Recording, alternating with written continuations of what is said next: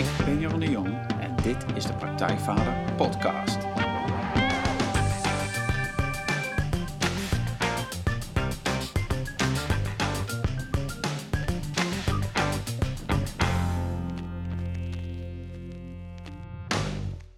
Welkom bij een nieuwe aflevering van de Praktijkvader Podcast. Jeroen hier en goed dat je luistert.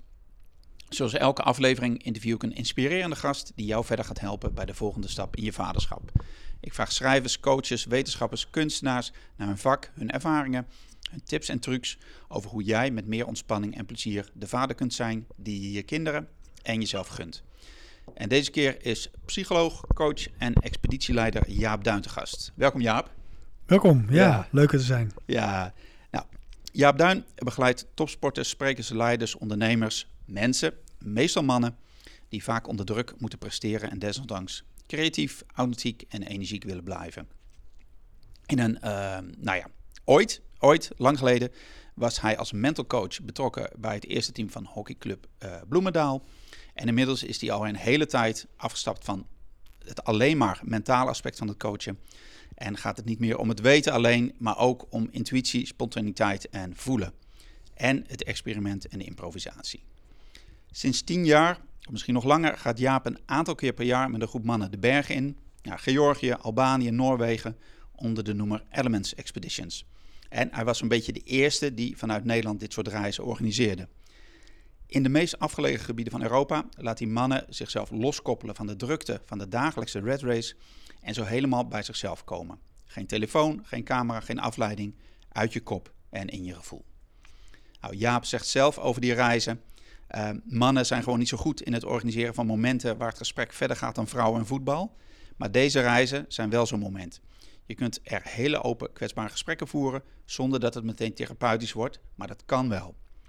Nou, voor degene van wie dit bekend in de oren klinkt, eh, in 2016 interviewde ik Jaap ook voor de praktijk van de podcast. Eh, dat is zeven jaar geleden. En inmiddels is er wel wat veranderd. En het meest relevante voor deze podcast is dat Jaap nu vader is van een dochter van twee jaar oud. Eh, bijna twee jaar oud. Zeker. Ja, en het voorgesprek ging het, eh, en dat kun je nu toch gewoon nog terugluisteren. In het voorgesprek ging het over waarom mannen meer zouden moeten spelen, over vuurwerk maken, eh, waarom fysieke uitdagingen niet per se interessant zijn en het zoeken naar de oemf. Nou, dat kun je terugluisteren. In dit gesprek gaan we verder waar we al die jaren geleden zijn opgehouden. Eh, we gaan het hebben over het vaderschap, wat het verschil is of je jong of oude vader wordt. En natuurlijk staan we ook stil bij de mannenexpedities, wat we als mannen nodig hebben of zouden moeten doen om gelukkiger te leven. En nou ja, wat Jaap tegenkomt in zijn eigen vaderschap en nog veel meer. Nou, ehm, Jaap, ja, welkom in de podcast opnieuw. Vorige keer was zeven jaar geleden. Het was aflevering 26. Ik heb even nagekeken. Dit is aflevering 74 van de podcast. Dus we zijn ook 50 afleveringen verder. Ehm, ja, het begon eigenlijk dit, dit gesprek met een appje wat ik een hele tijd terug van jou kreeg. Eh, volgens mij bijna een jaar geleden. Dat je zegt van, ja, ik had terug zitten luisteren nog een keer. En eh, volgens mij moeten we een keer opnieuw afspreken, want er klopt geen bal meer van. Ja, ja, ja. Ja, dus, dus ik was heel benieuwd. Ehm, het heeft even geduurd. Ehm, weet je nog waar, wat, wat de trigger daarvan is? Je zegt, ja, er klopt geen bal meer van, zeg maar. Nou, la- la- laat ik vooropstellen dat, eh, dat heel vaak als ik een aantal weken, maanden of jaren iets terugluister van mezelf, dat ik daar altijd, ja, eh, een ge- een gezonde vorm van, eh, van jeuk van krijg. Zo van, oh ja, you, you, je, je wist het niet. Ja. Of je weet het nog steeds niet. Maar een vriend van mij in Engeland zei... You had, a lot, you had a lot to learn and you still have. Weet je wel? Ja, dus, ja. Dat, dat, Ja, dus dat gevoel een beetje. Eh, maar... eh, en ik heb hem nu, nu, nu toevallig eergisteren nog eens teruggeluisterd. Eh, ik herken ook wel weer heel veel Ja. dingen die er nog steeds zijn. Ehm, maar laten we gewoon onderzoeken waar, waar, waar, dat, waar dat veranderd is en waar het hetzelfde gebleven is. Want we, we kwamen elkaar net tegen en we zeiden, nou, niks veranderd. ja, en grappend en grollend zijn we nog steeds zeven jaar later met hetzelfde bezig. ja, En dat gaat over man zijn, over mens zijn. Eh, ja, Ja. ver- verdiep in het leven. Ja, we gaan, er- we gaan erachter komen. Ja. Want, want Dirk, zeven jaar geleden was jij op een ander punt ook in het werk, met je, in je praktijk, maar ook met je expedities. Ja, ja. Ik ook met de podcast, met de hele praktijk van het werk. Dus daar gaan Ja. we achter komen. Maar ehm, laten we beginnen bij, bij misschien wel het mooiste, mooiste verandering. Ehm, je bent inmiddels vader van een dochter. Ja, Ze is bijna twee jaar oud. Ja. En dan kan ik natuurlijk honderd vragen aan je stellen daarover. Ehm, maar het is misschien leuk om te beginnen met een vraag die ik zelf ook in de vadertrainingen vaak stel aan het begin. Van, ehm, ja, wat vind je nou het allermooiste aan haar nu? Of iets wat je echt helemaal te gek vindt van aan haar? Ehm,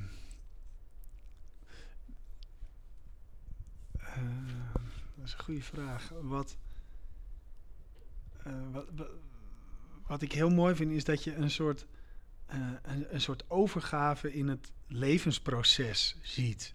Waarin alles heel primair is. Dus, dus een hele snelle, ja eigenlijk een, je ziet het, je ziet haar steeds meer mens worden. Woorden gebruiken.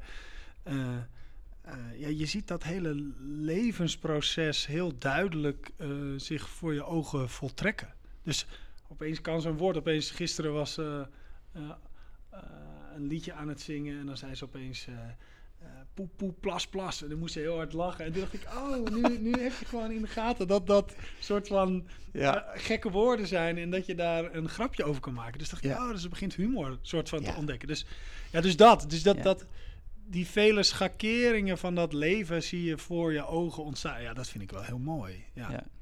Ja. En dit is ook een beetje de fase hè, van als, eh, dat, dat, dat eigenlijk dat dat ik een beetje komt, zeg maar. Dus Ja. dat, dat, dat, dat heb dan veel over als we het hebben over het afbreken van het ego of het kijken naar het ego. Dit is eigenlijk het moment bij je dochter waar dat ontstaat. Ja.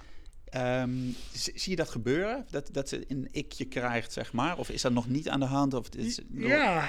ja. volgens mij wel. Je, ik, ik zie dan wel, en dat zie ik dan vooral eh, in de vergelijking met andere kinderen van die leeftijd. Ja. Van, want wij hebben, wij hebben niet meer kinderen, we hebben er één. Van wat, wat onderscheidt haar nou op die leeftijd van andere kinderen? Hè? Dus dan zie je al een soort verschilletje ontstaan van... eh, ja, ik noem maar wat. Een vriendin van mij die heeft een kindje, nou die zit echt rustig eh, een uur zo een beetje te chillen. En dan zitten wij een kopje koffie te drinken en een beetje te tekenen. Nou, Kes die is eh, die echt die vliegt tegen de wanden op. En dat Ja, is ja. een veel bewegelijker, Ja. bewegelijker kind bijvoorbeeld. Dus dat zie ik heel erg, ja. Ja, mooi. Hey, en ehm, nou ja, natuurlijk, hè, ze, is, ze is jong, maar dan, je wilt van alles meegeven, van alles leren, zeg maar. Maar in die, in die tijd dat, dat ze nu bij jullie is, hè, dat ze die twee jaar, zeg maar, heeft ze jouw dingen geleerd? Ja, Ja, eh, onbewust. Maar, ja, zeker. Nou, eh, ja, het heeft me doen beseffen dat wat mijn eigen eh, opvoeding is geweest. Omdat in tijden van, nou, ik noem maar wat, weinig slaap. Of in tijden van, ja, gewoon, ja, dat is gewoon een patroon zoals ik opgevoed ben. Ja. En ja, dat, dat heb ik overgenomen. Dus ja, een, een voorbeeld. Kijk, mijn moeder, als, als, als ik mijn knie stootte, dan zei ze: hey, Oh, kijk, daar is een vogel. Nou, en dan, eh, en dan weet je wel, nou, dan zag ik die vogel. en dan was die pijn in mijn knie weg. Ja. Dus ik, eh Ja. Kerst die stoot de knie. Zeg: Hé, hey, vogel. Zeg mijn vriendin: Moet je niet doen. Moet gewoon even zeggen: Waar heb je pijn? Weet je wel? Oh, bij je knie. Oh, nou, kom maar even hier. Kom even. Weet je, in plaats van het af te leiden. Ja. En dacht ik: Oh, fuck. Ik doe gewoon wat ik geleerd ben, heb. Maar wat niet per se ja, het goede is, zeg maar. Nee, maar, ja, dat, is, dat is natuurlijk mooi. En je zegt hè, dat in tijden van, van stress of vermoeidheid is die, is die anders, zeg maar. En, en nou, heb je nog meer voorbeelden waar je zegt oké, ja, maar zo, dat, dat neem ik mee vanuit mijn eigen opvoeding. Of je dat nou wil of niet, zeg maar. Van, dat je denkt, oké, Ehm, ik denk dat, eh, dat ik. eh, mm, ja, dat, dat ik een soort van.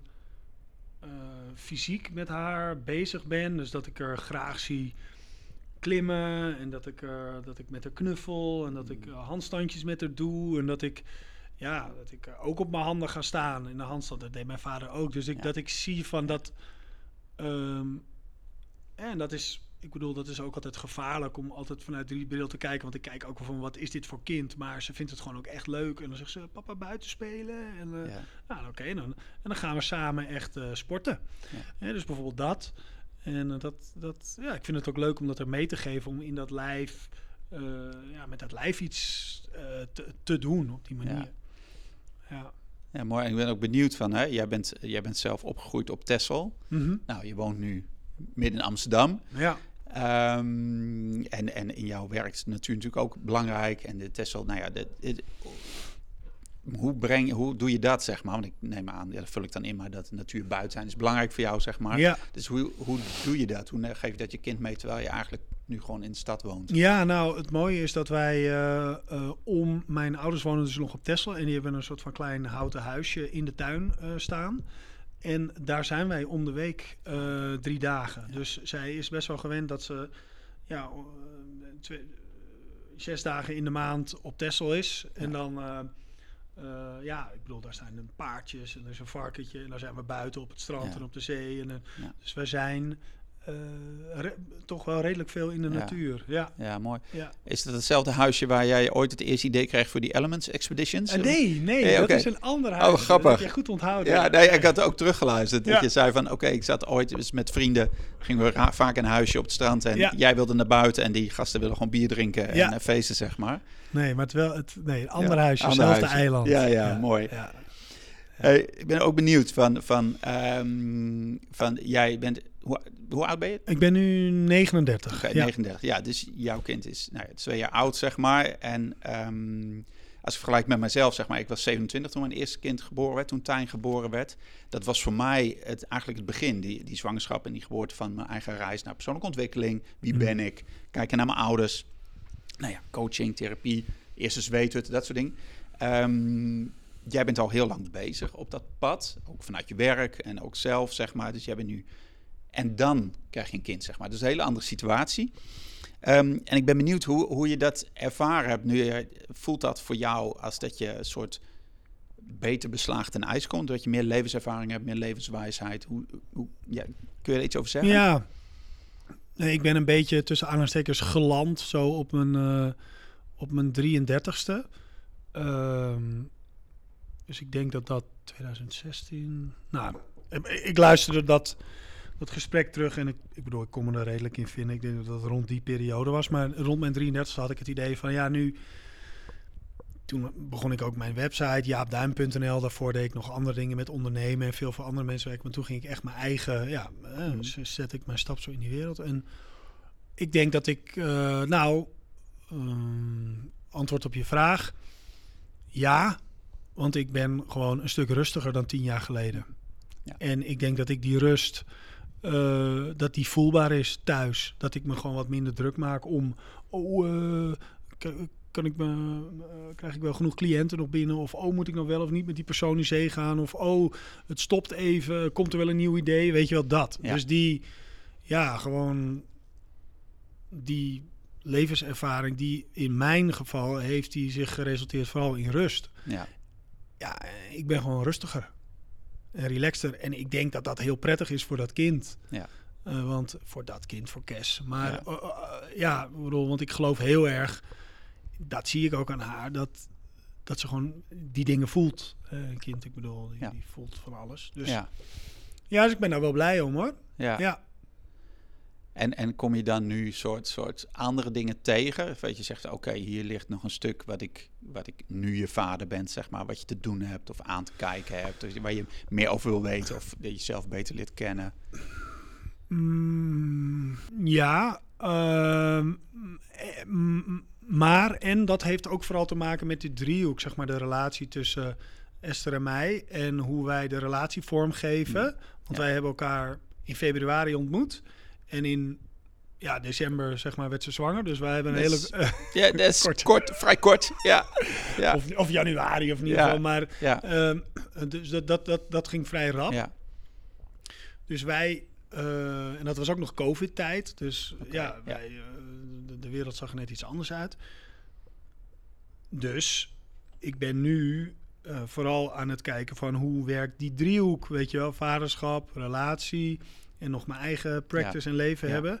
En daarin kom ik wel ja, dingen, dingen van me tegen. Van eh, oké, eh, ik kan niet op een bepaalde manier ondernemen als ik ook op een bepaalde manier partner wil zijn. En ik kan niet, eh, of op een bepaalde manier vader. En nou ja, dus daar, ja, daar zit ik middenin, Ja. zeg maar. Ja. Hey, en, en, dus, en hebben jullie daar veel over van mannen die bij mij in de training komen, of gewoon mensen die spreken, veel mannen, die gaan eigenlijk pas vaak nadenken over hoe ze hun leven willen inrichten met hun kinderen als het kind er is. Ehm, heb jij daar op voorhand, wat de beste manier om je daar voor te bereiden is natuurlijk tijdens de zwangerschap, want dan is er nog ruimte en rust. Ja, Ehm, hadden jullie het daar samen over, zeg maar? Hoe gaan we ons leven inrichten als het kind er straks is? Ja, zeker. Ja. En eh, daarin hebben we ook eh, op een bepaalde manier uitgesproken dat vrije tijd voor ons eh, een groot goed is. Hmm. Hè? Dus, dat, dus als je zegt van joh, gaan we, gaan we extra werken om een, eh, om, om, om, om een verdere vakantie of wat dan ook te, te doen. Nee, we, we, kiezen ervoor om dan, in die positie zijn we, om dan ja, net iets minder te werken en dan vrije tijd te Ja. hebben. En ik bedoel, vrije tijd gaat over eh, tijd waardoor ik ook naar mijn- psycholoog kan en door, waardoor ik kan lezen en waardoor ik kan Ja. ontwikkelen, noem het maar op. Ja. Of gewoon lekker sporten. Dus wij hadden wel daarin een duidelijk, ja, toch wel een soort van gemeenschappelijke eh, waarde waarin we zeiden van ja, wij vinden vrije tijd belangrijk. Ja. En ja, dat heeft dus gevolgen voor, eh, voor keuzes die je maakt. Ja. Ja. dan ga je dus niet voor de nieuwste auto. Of dan ga je niet voor eh, die verre reis. Of dan ga, nou ja, dus zo. Ja, het moet er ergens vandaan komen. En we kunnen Ja. ook niet alles overzien hoor. Want we komen nu ook weer op, Ja. op, op punten uit. Of gewoon denken, oh ja, dat, dit kan je gewoon niet overzien. Nee. Ehm, maar daar hebben we, we hebben het daar wel over gehad. Ja. Ja, ja, want zijn er dan dingen, want het is natuurlijk altijd mooi, je maakt plannen, je hebt ideeën, zeg maar, die je nu, nu moet bijstellen of die, die nu anders lopen. of- Ja, ja, eh, ja bijvoorbeeld dat eh, er ook situaties zijn ja, waarin, eh, ja, waarin het ondanks alle safety nets er toch op neerkomt dat ik mijn agenda leeg moet, eh, moet gooien. Ja. Ja. nou, die had ik nooit echt. eh, de, ja, de- ik bedoel, die had ik nooit echt tot de realiteit berekend. Ja. Van ja, er is altijd wel iemand die kan opvangen. We hebben, een, we hebben toch een oppas. En als we niet een oppas hebben, hebben we een tweede oppas. Ja. En dan hebben we een oma. En dan kan jij nog. Maar ja, als en oma ziek is en die en die en die, en die, Ja. dan, dan komt het er toch op neer dat ik mijn agenda leeg moet gooien. En eh, ja, oké, dat is dan wat het is. Ja. Ja, ja, precies. ja, dat is dan wat het is. Ja. Ja, ik moet zo altijd denken van, van dit is een klein voorbeeld ervan, maar het is wel van hoe verwachtingen anders lopen. Van toen, toen Tijn geboren werd, ehm, en ik heb het voorbeeld wel vaak gegeven, maar het is voor mij zo duidelijk van, ik was toen nog filmwetenschapper, dat ben ik nog steeds, maar daar deed ik toen nog dingen mee. En toen dacht ik, ja, als die baby geboren is, baby slaap heel de dag, was mijn. En dan kan ik dus, al die films die ik nog moet kijken, die kan ik een beetje inhalen, zeg maar. Dus ik had helemaal, dan denk ik, oké, dan die baby slaapt en, en dan kan ik smiddags, als ik thuis ben, zeg maar, dan, eh, en als Wendy werkt, ja, dan kan ik een beetje die films inhalen. Ja, dat ging dus niet, hè, want die, ja, dan krijg je dus een kind wat niet slaapt. Ja, ja, ja, Over, over wat gewoon wakker is. En wat, nou ja, zo, dat soort dingen. Dus het vraagt inderdaad wel van, ja, daar een soort, soort, soort meebewegen. Ook omdat, en misschien, nou ja, misschien zie je dat ook al in je, in je praktijk, ben ik benieuwd van, als je niet doet, dan loopt het vast. Ja. Dan komt een soort rigiditeit in. En dan, Zeker. eh, want, want zie je dat eh, mensen die hier of in de expeditie zeg maar zeggen, die, die daar in soort ja, in die structuren of misschien wel zichzelf vastlopen, omdat er weinig ruimte is om dus te schakelen of los te komen. Ja, ehm, dus. ehm, en, en dan specifiek met betrekking tot het vaderschap of tot het, tot het Ja, leven. Gewoon eigenlijk gewoon tot het leven. Dat Ja. vaderschap is natuurlijk, een- is daar natuurlijk een onderdeeltje van. Maar, nou ja, kijk, waar ik achter ben gekomen is dat als je eenmaal een kind hebt, dan kom je thuis eh, niet echt meer tot rust. Tenminste, een kleinkind. Ja, Ja. in mijn geval Ja, vind ik niet echt rust. Ik bedoel, ik ben bezig, ik ben aan het koken. Ja. Ja. op mijn werk kom ik ook niet echt tot rust. Ja. Dus dan heb ik twee opties. Of ik ga tijdens werktijd ook even tot rust komen. Dat ik even een uurtje ga sporten. Dat kan in mijn geval. Of dat ik. Hè, of ik ga tussen werk en thuis Ja. tot rust komen. Door nou, te wandelen of naar de sportschool te gaan. Of. Maar als ik dat niet doe. Ja. En ik dan. Ja, dan kom ik dus. Dan, dan kom je dus niet meer tot rust. En dan loop Nee. je dus vast. Ja. En dat is wat. wat ja, de realiteit die ik soms echt aan mensen en nu ook kan voorspiegelen. Van ja, als jij niet, eh, als jij denkt dat je thuis tot, tot rust kan komen, nou, vergeet het maar. Ja. Ja, niet, in ieder geval niet in mijn gezin. Misschien als je een, een nanny of een kok of zo hebt lopen. Maar, ja, nee, maar... Heeft ook niet Nee, nee, dus, dus snap je dus, dus... Maar dat is wel een gegeven wat vroeger niet zo was. Want vroeger kwam ik thuis, nou, even lekker chillen. Ja. Dus ik moet echt mijn leven anders indelen, omdat die alleen tijd, weet je wel, wat ik die verticaliteit noem, dat eh, waarin ik herstel, ik zeg altijd waarin ik aan de oplader zit, ja, dat, dat moet ik echt gaan faciliteren voor mezelf. Want ja, mijn kind doet het niet en mijn vriendinnen ook niet. Die vinden het vooral prettig als ik thuis ben en lekker met z'n allen ben. Dus ik moet me daar echt uh, meer uit lostrekken. Ja, ja, en wat dan natuurlijk interessant is, is dat, uh, want dit gesprek heb ik ook vaak, heb jij met je cliënten, heb ik ook in mijn training, zeg maar, dat, dat mannen soort dan verwachten hè, um, dat die tijd er thuis wel is, want dat zit nog steeds in het plaatje van, ja, als ik thuis kom, kan ik ontspannen. Ja. Dat lukt niet, zeg maar. En vervolgens daarvan, ja, misschien niet helemaal, maar gewoon daar de schuld neerleggen bij partner, kind of, nou ja, en soort weer verlangen naar ja, ja zoals jij die, die tijd, dat, dat er nog wel, nog wel was. Ja. Ja, en, en, hè, dus, en dat gebeurt. Wat, wat, wat zeg jij dan tegen zo iemand als die hier aan tafel zit of bij, bij in de stoel zit? Of? Ja, uh, waar, waar het over gaat is dat je voor jezelf uh, duidelijk uh, krijgt dat die alleen tijd belangrijk is. Ja. En dat je dat communiceert aan je partner dat zij dat ook erkent. En hetzelfde geldt voor haar, dat zij ook alleen tijd nodig heeft. En dat je dat in elkaar erkent en dat je daar elkaar dus faciliteert. Als ik zeg van ja, ik ga een dag naar de zweethut, ja, dan ben ik een dag, dan ben ik er een dag niet. Ja, per definitie uh, vindt Esther het prettiger als ik er een dag wel ben met het gezin, dan, dan niet. Dus elke keer is dat tussen aanhalingstekens niet een strijd, maar het wordt een strijd op het moment dat uh, zij niet de waarde ervan ziet voor mij. Ja. En en, en nogmaals, dat is wederzijds. Tenminste in een leven waarin die realiteit en die afstemming een rol speelt. Ja, ja en dan is het inderdaad een, een verschil. Hè? Ik denk wat, dat, dat we dat allemaal wel voelen. Er, er zit ook een soort proportionaliteit aan. Van als jij een kind hebt en uh, je gaat trainen voor, uh, nou ja, weet ik veel wat. En je bent uh, drie dagen in de week ben je aan het trainen voor je triathlon of zo. Dat is ingewikkeld. Zeker. Want ja. dat, dat is heel moeilijk in te passen. En, mhm. en dan heb je natuurlijk ook, hè, van, ja, maar ik mag niet trainen van een triathlon van mijn vrouw. Hè, die, die komt dan ook. Ja. En, als, en hoe, hoe ga je daarmee om? Hè? Nou ja, kijk, de, ja, nou, ik denk dat dat, de, dat daar voor een deel de, de offers in zitten. Dat um, je, je kan het niet allemaal doen. Hm. Dus dan moet je misschien gaan trainen voor een halve marathon. En waar je wat minder tijd nodig hebt. En als die eerste vier jaar voorbij zijn, noem maar wat, en, en je kind zit op school, dat je weer wat meer tijd hebt. Maar ik zie dat, en ik weet vanuit psychologisch uh, oogpunt, dat die eerste vier jaar gewoon super belangrijk zijn voor hechting, voor gewoon echt de basis van een mens.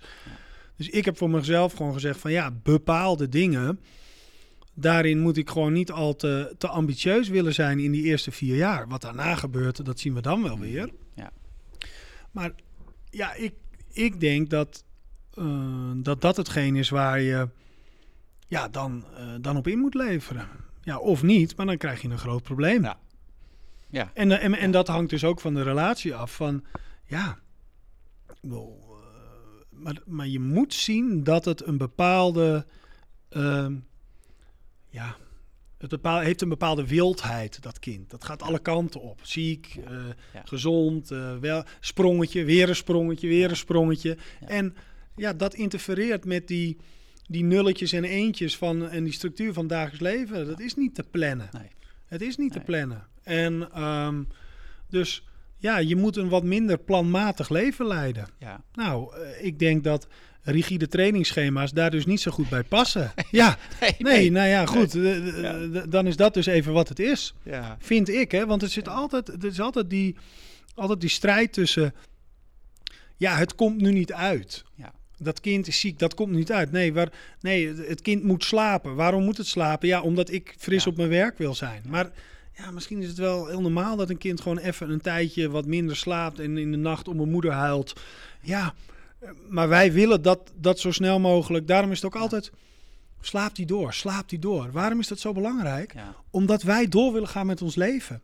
En dat kind, hè, en dan, dan wordt het wel dat kind, interfereert met die geplandheid van het bestaan. Ja. Nou ja, en daar heb ik mijn lesje wel, ben ik flink mijn lesje in aan het Ja. leren, ja. Ja. En dat is ook wel mooi, want op een bepaalde manier is het bestaan ook helemaal niet te plannen. En denk ik ook dat de waarde en de diepte van de dingen vaak komt op de momenten dat het niet gepland is. En dat je in contact staat met die stroom. Ja. Zoals in de hut of, of whatever. Of gewoon een representatie van als je ergens bent waarin ja, het gesprek niet super voorbereid is of waarin, ja, dan ontstaat er een, een Ja. bezieling en een, eh, een werking van wat je doet. Ja, ja, en ja, ja die voel ik wel. En dat, dat vraagt dus ook dat je inderdaad ja, gewoon alle, het, nou ja, het geplande loslaat, maar iedere keer weer met een soort, soort frisse blik naar je kind kan kijken. En, en naar jezelf dus ook, van, van wat, wat, is hier, wat is hier nodig. En ehm, ja, dat is, en dat is soms ingewikkeld. Want het, het vraagt echt, het vraagt echt in die zin van de boekjes loslaten en, en ook een soort nou, erkennen. Wat jij alleen al zegt van dat, van dat slapen. Ja, ik wil dat mijn kind doorslaapt, omdat dat mij heel goed uitkomt.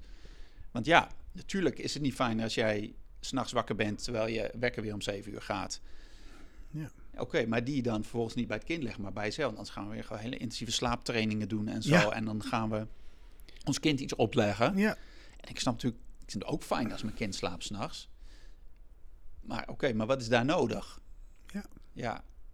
Ja. het is een beetje een ego-crush, hè? Dus je moet gewoon, kijk, Ja. het ego wil eh, continuïteit, zekerheid en veiligheid. Dus dat wil gewoon planmatig dingen weten. La- Dan is, is A, dan B. Ja, en dat is met een opgroeiend kind. Dat is niet, eh, dat, dat is, dat is, ja, ik bedoel, dat vindt het ego niet prettig. Nee. Dus eh, ja, dus ik ben wat minder egoïstisch. Gewoon, nou, is misschien Ja. wel goed ook, weet je Ja. wel. Ja, maar omdat het ook heel lang om mij heeft gedraaid. Mijn hobby's, mijn carrière, Ja. eh, mijn inzet. Nou, nou bladibladibla. Nou, dat, Ja. dat nou, mocht ook wel wat minder. Ja. Ik denk dat dat heel goed is. Ja, ja zo mooi. Dus- ja, dit is eh, mooi. Dit is, ik moet denken, het is een mooie cartoon van Grant Snyder. Dat Amerikaan, die doet ook veel Mhm. voor de New Yorker. Ja. En die heeft zo'n strip gemaakt over het eerste jaar met zijn kind of zo. En ook over het tweede jaar. En dus, dan tekent hij op een gegeven moment heel mooi uit. Het gaat van me naar we, Ja. zeg maar. En dat is het. Ja. alleen maar... Eerst ging het over mij, inderdaad. Ja. En kon ik, en, maar nu is het wij wordt belangrijker. Ja. Ja, en dat was heel interessant. Dat laatste van. Eh, over dit stukje, wat ik, wat ik me nooit zo beseft had. Dat eh, ik had een vriendin en die zei van ja, dan, dan, dan zei ik van, eh, waren we bezig met de indeling. Ik zeg ja, ik wil eh, een bruine stoel en Esther wil een rode stoel. En ja, het is toch, eh, ja, maar ja, het huis is voor de helft van mij en voor de helft van haar. Zegt ze nou nee, het huis is voor een derde van jou, voor een derde van Kes, jouw dochter, en voor een derde van eh, Esther. En toen dacht ik, helemaal gelijk. Want Kes neemt ook die positie in. Dus dat huis is voor een deel ook hè, Ja. van haar met haar speelgoed en dat. En, en toen kwam ik erachter van, nou ja, als ik echt mijn eigen plekje wil creëren, ja, dan, dan moet ik dat op mijn kantoor doen. Nou, je ziet wat voor kleur de stoelen Ja. hebben. Bruin. Eh, ja, Ja. maar thuis moet ik dat dus loslaten. Ja. Want zij hebben ook recht op hun, hun, hun stuk daarin. Dus het is veel meer in een wij-vorm. Ja. Nou, en dat, is- dat, nou, het is mooi dat je dat zegt. Want ik moet gaan denken, er zijn natuurlijk nu op dit moment... Hè, zijn er heel veel natuurlijk gesprekken en discussies over rolverdeling tussen man en vrouw en werken en wie werkt er wel. En nou ja, dat, dat is ook allemaal nodig en dat is allemaal goed. En wat ik daar vaak in mis, is, ehm, is de stem van het kind. Het gaat Mm. vaak van hoe verdelen wij het werk, hoe verdelen wij de huishoudelijke taken. Het moet 50-50. eh, en het kind moet naar de opvang en het kind moet daar. En oké, maar oké, en wat, wat, ja, het kind heeft natuurlijk niks te zeggen, want die kan dan nog niet praten. Maar er is, ja, lijkt mij wezenlijk om dat mee te nemen. Maar dat vergeten we vaak, of omdat het dus niet past Ja. of niet uitkomt. Ja, ja. Nou ja, helemaal waar. En, en Ja. ik kan van alles willen en bedenken, maar als, het, als, als Kes iets anders aangeeft of nodig heeft, en dan is het niet van we gaan alleen maar erop uit wat het kind wil, maar het, het, het is echt een soort van situationeel van wat, wat heeft zij nu nodig? En dat heeft, ja, dat is echt wat anders dan ik vind dat je dit moet doen of ik vind of ik vind. Hè? Dat is, het is bijna, eh, ja, soms, ehm, soms, en nou, helemaal eens. Ik Ja. bedoel, die stem die mag daar eh, eh, die echt wel in doorklinken, ja. Ja, en dan, dan vraag ik me dan af, hè, is het, zijn we daarin als, als gewoon jonge ouders of gewoon überhaupt als ouders, ehm, zijn we dan nog te veel bezig met ons eigen stuk, onze eigen behoeften, onze eigen dingetjes regelen, zeg maar, om, om in te zien dat het kind ook die plek nodig heeft? Hè, is- heeft er iets met onvolwassen volwassen te maken? Ja, ik Mm, probeer dat altijd nou, te zoeken. Ik denk dat het in mijn geval prettig is dat ik wat ouder ben. Dat ik wat minder kopzorgen heb over en minder. Dat ik wat rustiger gewoon op mijn pad sta. Waardoor ik meer tijd kan hebben voor ja, wat Kes wil en, en voelt. Ja, Omdat ik weet gewoon dat ik tien jaar geleden gewoon, ja, gewoon, en gewoon nog heel erg op zoek was. Ja, en dat, dat Ja. kan je niet.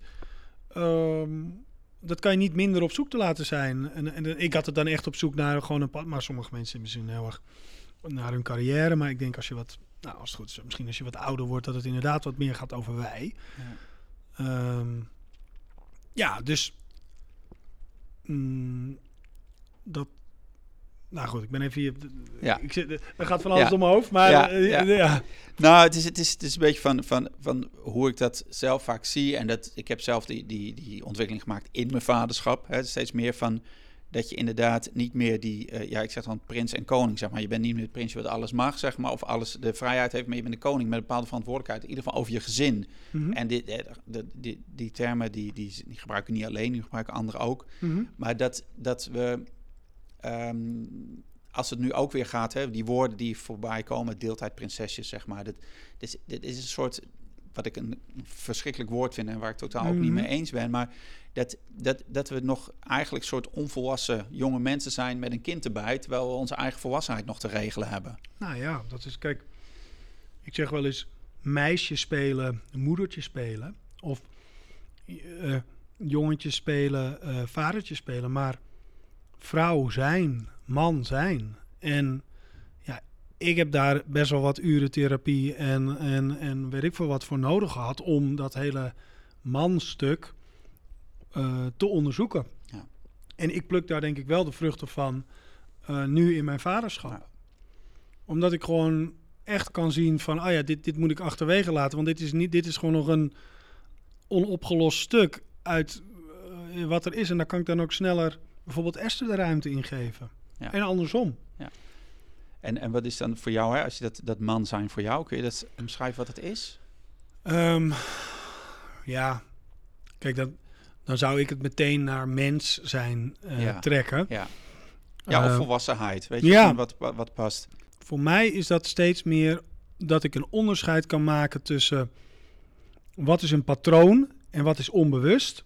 En gebeurt dus eigenlijk niet vanuit verbinding. En wat, wat is iets wat ik bewust doe en wel vanuit verbinding kan doen. Dus eigenlijk het, het, het onderscheid kunnen maken tussen ben ik verbonden of niet. Ja. En weten dat als je dingen uit, ja, dingen gaat doen waarin je dan niet verbonden bent. En dan, ja, wat is dan verbinding? Nou, weet je wel, ik bedoel, daar kunnen we het ook heel lang over hebben, maar ik denk dat iedereen dat wel weet. Op het moment dat ik verbonden ben en ga handelen, dan komt daar over het algemeen geen rotzooi uit. Op het moment dat ik niet verbonden ben en ga handelen, ja, dan komt daar rotzooi uit. Ja. Ja. En, en, en dat, ja, dat heb ik steeds meer van mezelf, zie ik. Van, en bij mij is vaak die verbinding gaat dan over hardheid. Hè? Dan word ik te hard. En dan Ja. word ik te, huh? En dan weet ik gewoon, als ik nu, ik voel het dan gewoon, ik, ik moet gewoon eerst tot rust komen. Ja. Want alles wat ik nu aanpak, wordt gewoon een zootje. Ja. Ja. ja, het is frappant. Ik had eh, gisteravond echt gewoon echt gedoe met Wendy. We hadden echt een ruzie. En uiteindelijk dan, dan vergeten we alles weer, zeg maar. En dan zitten we echt in een stuk wat, wat echt onvolwassen is. Met elkaar beschuldigen. En ik van, oh man. En dan, en dan uiteindelijk zegt, zegt een van ons, nu was ik het. En de volgende is zij zegt, oh ja, we moeten gewoon even stoppen. En ik heb even tijd voor mezelf nodig. En als ik dan, dan en daarna kan ik weer terugkomen. En dan kan ik ook zien wat ik onhandig heb gedaan. En dan snap ik ook waarom jij er zo op reageert. En dan, Ja. ja, En dat, nou, dat raakt natuurlijk ook, want de, de app we even over, over dat verticale en dat horizontale. Ja. En Van, jij, jij stuurde mij nog een, een, een podcast door van Jaap Voogd. Ja, ja. Prachtig, ik kende zijn boek over, over levend ritme van de seizoenen. Dat is Ja. prachtig. En, en toen zei hij ook, ja, dit is ook iets waar ik, waar ik mee bezig ben. Dat horizontale vlak en de verticale lijn. Ja. Nou, de- kun je daar iets over vertellen? Ja, dat is eigenlijk een manier van praten waardoor je eh, een, een model wat helpt om ehm, eh, tot de kern te komen van een gesprek. Een model van de werkelijkheid. Nou, Ja. er zijn vele modellen. Dit model heeft, eh, heeft eigenlijk sp- sprake van twee lijnen. Als je praat over de horizontaliteit, dan is dat een ronddraaiend vlak. Dat draait maar door. Werk, het werk moet gedaan. Eh, eh, nou, eh, er zijn ditjes en datjes, schone luiers, de hypotheek of de huur. clowntje uit, clowntje lacht. Weet je, het, het gaat er maar door. Zoals je zegt van ja, er zijn wel genoeg mensen, er zijn niet genoeg mensen in mijn training. nou, het is te druk, nou, het is te rustig. Weet je, Ja, er, is- ja. er is altijd wat. Ja. En, en het is ook het vlak waarin je excitement vindt. Leuke dingen. Een festival, een, eh, een, een nieuwe auto of een dit. Excitement. Ja. Nou, en dan is er nog zoiets als... En dat draait maar door. Ja. Zolang je leeft. En dan is er nog zoiets dat als je aan mensen de vraag stelt... waar draait het eigenlijk om in het leven? Dat als zij een antwoord geven in dat horizontale vlak... dan weet je eigenlijk van... oh, ze hebben niet die verticale lijn. Want die verticale lijn gaat eigenlijk over... ehm, een bepaalde manier van vervulling vinden. Dus dat is wat anders dan excitement. Excitement is leuke dingen doen. Vervulling is echt voelen dat je aangesloten bent. Dat je ehm, in contact komt met een soort autonoom, ja, laten we zeggen, levensproces. Ik groei mijn haar niet, ik, ik groei mijn nagels niet. Maar er gebeurt wel van alles door mij heen. Ja. En ik kom daar dichterbij. Vaak is dat als je stil wordt. Als je even stil wordt, even tot rust komt. Ja. Bijvoorbeeld bij mij in de natuur, bij een ander is dat meditatie. Of, en dan, ah, dan kom je weer even daaruit en dan merk je, oh ja. Maar wat hier gebeurt staat los van die gekkigheid om me heen. Daar heb ik ook geen invloed op. Op wat er tot me komt. En wat er door me heen komt. En nou, dat is. Dus ik heb een cliënt en die, die zegt van ja, die zijn vaak heel enthousiast, want er zijn veel ondernemers zijn vaak heel enthousiast. En dan, en dan en het, ze doen heel veel dingen bijvoorbeeld die exciting zijn. Ja, dan heb ik nog een basketbaltoernooi en dan help ik die nog en dan hebben ze nog en, zo. En dan zeg ik, oké, dat is allemaal excitement, excitement, excitement, leuk. Maar aan het einde zeggen ze, maar aan het einde ben ik helemaal leeg. En dan zeg ik ja, want als we als je niet het onderscheid weet tussen wat je exciting vindt of wat je vervullend vindt. Want de dingen die je echt vervullend vindt, die je in die verticale lijn vindt of doet, daar laat je ook van op. Ja. En als je dat onderscheid leert maken in je leven tussen van, nou, het was het leuk en het was, eh, weet je, gezellig en we hebben misschien ook allemaal gekke dingen of gekke of geile of spannende of dingen gedaan, maar toch voel ik me leeg. Ja, dan was dat waarschijnlijk omdat, omdat ja, niet die vervulling erin zit. Nou, en dat onderscheid helpt mij heel erg in het onderscheid maken in mijn leven. Van oké, handel ik nou vanuit die horizontaliteit, die vaak gaat over nou, dat ego-stuk, continuïteit, zekerheid, veiligheid. Van, ik had twee jaarprogramma's gedaan. Ik wilde een derde gaan doen. En toen ik voelde, eh, ja, ik moet nog een jaarprogramma hebben. Toen dacht ik, nee, ik moet even een jaar gewoon niks doen. Ja. Ik moet weer even gaan herijken. Ja. En dan vanuit een vernieuwde opzet of idee weer een nieuwe jaaropleiding geven. Nou, dat is het Ja. waar we het over hebben eigenlijk. Dan. Ja. ja, en dan dat vraagt dus dat, vraagt dus dat je, ja, dat, ja, je zegt het gaat vaak over stilte, dus dat je die plek opzoekt. Ja. ja. En, En- dan, en dan is het mooie dat, dat en je zou ook kunnen zeggen, de burn-outs in deze maatschappij, die, die, die, die gaan eigenlijk over dat het letterlijk nergens meer om draait. Het draait maar door. Ja, Dus je, je draait letterlijk door. ja, Er is geen verticaliteit meer. Er is geen rust meer in veel levens van mensen. Nou, dan kan je niet aangesloten blijven op je geweten. Ja. Ehm, en dus ik vraag me af hoeveel mensen in de politiek nog eens stil zijn, weet je wel. Want ja, hoe kan je vanuit een geweten handelen als je niet stil bent? Nou, eerst tot rust komen, zo werkt dat dan. Dan word je stil. En dan komt er zoiets als ruimte. Ja. En in die ruimte kunnen ideeën weer tot je komen. Nou, heel veel mensen die komen niet tot rust. Laat staan dat ze stil worden. Ja, want je gaat op vakantie, ik ben de eerste twee dagen ziek. Ja, dan kom je eigenlijk tot rust. Dan duurt het nog een paar dagen om stil te worden. En dan eigenlijk op het moment dat die ruimte zich begint te vormen... Ja, dan ze, zijn ze alweer aan het werk. Nou, en ik kom er steeds meer achter dat als ik niet genoeg ruimte in mijn leven heb. eh, Je kan er soms ook in één keer zijn. Hè? Dan hoef je niet stil of eh, rustig voor te worden. Maar vaak is dat wel zo. Als ik niet genoeg ruimte in mijn leven heb, ja, dan wordt het eh, duwen, trekken. ja, niet leuk. Kiezen op elkaar. ja, chagrijnig. Nou ja, hard werken. Ja, en, en wat ik daar te frappant aan vind, want ik ken het zelf ook, dan, dan als je in die modus zit, dan is het vaak, dan lijkt het vaak van oké, ik doe nog meer, want dan kom ik er wel. Dus Ja. dan, dat kan ook in therapie of in coaching zijn van ik, ik doe nog een zweet of ik doe nog, Ja. want dan kan dat ook weer een middel worden. Of ik doe nog, ik ga nog een keer ehm, een rondje hardlopen, want dat is goed voor mijn ontspanning. Terwijl dat, dat, dat werkt niet. En dat vraagt juist om het niet doen. Ja, Maar dat is zeker voor heel veel mannen, misschien voor vrouwen ook wel, maar voor mannen is het sowieso gewoon ingewikkeld om, Ja. niks, om die stilte in te gaan. ja, ja, ja. Ja. Nou, en dat koppelend aan, eh, aan die eh, eh, seizoenen. Hè? Dus dat Ja. je eigenlijk ziet van... Er zijn twee seizoenen waarin je bij wijze van spreken inademt. Lente, zomer. Ja. Ja. Tot aan 21 juni. Ja. Ja. Dan is er een expansie. Dan is er een stop. En dan is er een, een contractie. Herfst, Ja. winter. En die herfst-winter die gaat over iets anders dan de lente en de zomer. Eh, en daarom denk ik dat heel veel mensen zo moeite hebben met die donkere dagen en die winter. Van, oh, ik voel me zo slecht in de winter. Ja, omdat je in de winter gedwongen wordt om stil te, te, te zitten. En om even niks te doen. Omdat je op dat onderste punt van die uitademing komt. Stop. Even wachten. 21 december, 22, 23 tot, weet ik veel, 5, 6, 7 januari. En dan ga je weer inademen. Maar dat, dat, dat donkerste stukje, en dan zie je dus ook dat daar dus ook heel veel shit naar boven komt. Niet eh toevalligerwijs omdat het met kerstdiensten zo gepaard gaat. Maar ook, nee maar helpt omdat wel. je in die Ja. diepte en in die stilte kom jij jouw Ja. shit tegen. Dat weet je ook. Als Ja. jij een, Ja. een dag op een berg gaat zitten in je eentje of stil gaat zitten of mediteren, dan opeens komt, komt dat Ja. allemaal boven. Ja. En hetzelfde is. dus, nou goed, dat. ehm, lang verhaal, maar, maar zo zie ik steeds duidelijker een onderscheid tussen wat er nodig is, denk ik.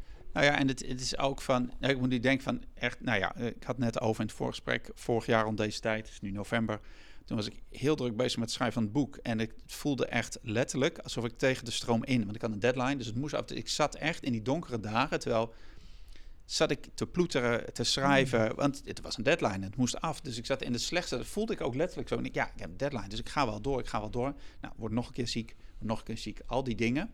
Ja. Echt.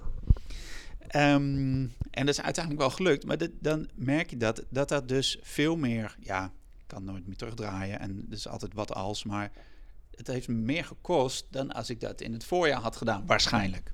Ja. En, en, maar ook gewoon dus die seizoenen. We leven niet met die seizoenen, want we gaan, we doen eigenlijk alsof het gewoon altijd zomer is. Zo weet is het. echt. Ja. En in die podcast van Jaap Voogd, die zei ik van, ja, weet je, vroeger was op zondag alles dicht. Dat was een rustmoment. Ja. Ik denk, ja, nu is alles aan altijd. En dat is heel makkelijk. Maar dit is dus geen gedwongen rustmoment meer. En, en ik ken dat van vroeger, maar wij waren dan ook christelijk. Dus, dus zondag was echt een... Deden we ook niks. Mhm. We mochten nog net buiten spelen, zeg maar. Maar dit was wel echt... Het was eigenlijk vaak heel saai. Maar Ja. het was echt zo'n rustmoment. Ja.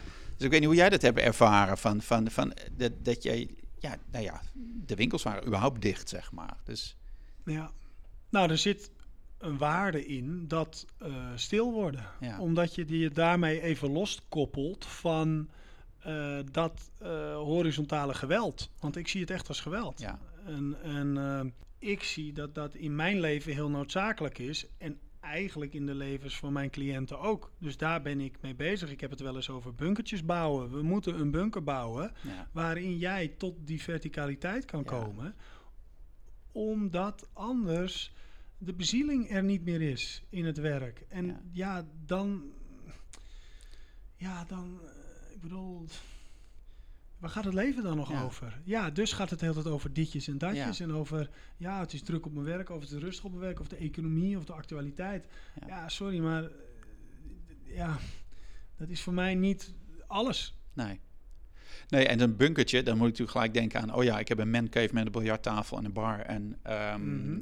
Maar dat gaat natuurlijk weer richting die excitement, zeg maar. Want dan ga ik leuke dingen doen, zeg maar. Ja, nou, ik denk dat in eerste instantie een mancave wel een, een, een, een, zeg maar een materiële expressie is van een intern verlangen. Is namelijk dat je eventjes niks aan je hoofd wil hebben. Ja. En dat je eventjes op jezelf wil zijn. Ja. En dat is in essentie heel goed. Kijk, als je dat vervolgens weer gaat, gaat vullen met... eh, ja, eh, het zoveelste de motor die je in elkaar gaat sleutelen. Of eh zoveelste darttoernooi dat je gaat doen. Of eh, je gaat alleen maar dvd'tjes zitten kijken. Ja, kijk, dat is wat anders. Ja. Maar de essentie van ik heb een plek nodig waar ik me terug kan trekken. Ja. dat, dat is deze plek ook. Ja. En dat in, de- je zou kunnen zeggen, en dat is, nou als ik dan naar mezelf kijk, een, soort groei in mezelf, Ja. dat ik dit soort woorden zonder, dat, dat, dat is een heilige plek. Ja. En je hebt die heilige plek nodig omdat er, nou je hebt het over de zondag, Ja. ja, omdat er heel veel in het leven niet meer heilig is. Ja. En met heiligheid bedoel ik als we met elkaar zitten in, in een cirkel in de bergen. En ik leg daar gewoon wat houtblokjes neer en hebben we een cirkel. En, en we zitten daar. Het is even stil. Ja, dan voel ik dat dat op een andere manier resoneert. Dan, ehm, dan dat we niet even de tijd nemen om stil te zijn. En, en om daar even te zitten. Ja. En, en, en daar gaat het eigenlijk over. Dat je even stil zit en weer denkt van oké, waar, waar in dat midden van die storm bevind ik mij? Ja. ja, en dat haakt natuurlijk erg, want ik las een blog op jouw site, dat ging over de economie van het streven, zeg Ja. maar. Hè? En dus dat is dan ook in, die, in dat, dat, dat horizontale vlak, zeg maar, gaat het ook heel vaak over meer, over beter, over Zeker. buitenkant, zeg maar. Nou ja, hoe ga je daarmee om met dat streven? Zeg, misschien ook wel gewoon nu, nu, nu jij ook, een- je hebt een kind, zeg maar, dus die groeit ook op deze wereld, zeg maar. Van hoe, hoe bied je daar voor jezelf een soort, soort tegenwicht aan, zeg maar? Of hoe leg je dat uit aan je mensen, aan je klanten of aan je cliënt, Ja. zeg maar? Van, dat, om dat überhaupt alleen al inzichtelijk te maken, dat, dat Nou, het streven je- zo alomtegenwoordig is. Je je kan het aan de woorden eh, herkennen. Weet je, wel. in, in, in verticaliteit heb je het over dingen als: is het warm? Is het kleinschalig? Is het dichtbij? Is het, eh, ja, eh, vervult het? Eh, nou, dat, dat, Ja. dat soort dingen. En dat zijn andere woorden dan: is het schaalbaar? Heeft het impact? Ja, nee, weet je wel. ja. heeft het, nou, is het, kunnen, we, nou ja, kunnen we het plannen? Kunnen we het, nou, kunnen we het verkopen? Weet je wel? Brengt het wat op? Ja. Ehm, en ja, dus mensen gaan echt gaan leren inzien en laten ervaren dat de waarde van die bezieling of dat, dat die verticaliteit zich afspeelt in de kleinschaligheid, in de, eh, in de nabijheid, in de liefdevolheid, in de zachtheid. Ja, dat is, eh, ik bedoel, dat is een ander geluid dan ze via de media horen of via, eh, ja, natuurlijk alle marketing die, die, die je op je afkrijgt of waar bedrijven over gaan, wat gewoon transactionele vehicles zijn natuurlijk. Daar gaat het ook over meer. Ja. Dat is, ja. Ja, hey, en dan, dan ga jij, ehm, wat natuurlijk van wat je doet letterlijk met mensen, is dat je, dat je de natuur in gaat, dat je de berg in gaat met Mhm. de Elements Expeditions.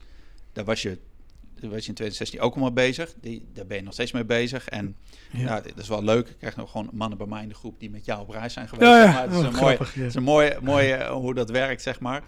En ehm,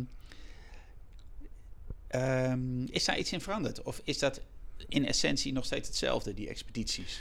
Maar van, Ehm, je gaat naar plekken, eh, Ja. de, eh, verlaten plekken in Europa. waar- nou, ik heb het dichter bij huis nu. Hè, dus ik heb ook gewoon ervaren dat ik het op Texel ook gewoon kan doen. Oké, Dus eh, daar organiseer ik weekenden en, en, en, en, en nu dus ook een jaarprogramma... waarin je eigenlijk met een vaste groep mannen de seizoenen doormaakt. Dus Oh, dat is mooi. echt mooi. Ja. Dat je dat autonome groeiproces ehm, ehm, ja, een jaar lang doormaakt. Dus lente, zomer, herfst, winter.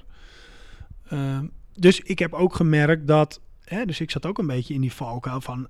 eh The Story of More... Hè, of of, of eh, de, de economie van Steven. Het moet wel ver weg. En het moet wel heel erg afgelegen zijn. En het moet wel... eh, ja, ik bedoel... Fijn en leuk. En... ehm, maar goed, ook belastend voor het milieu om er naartoe te vliegen.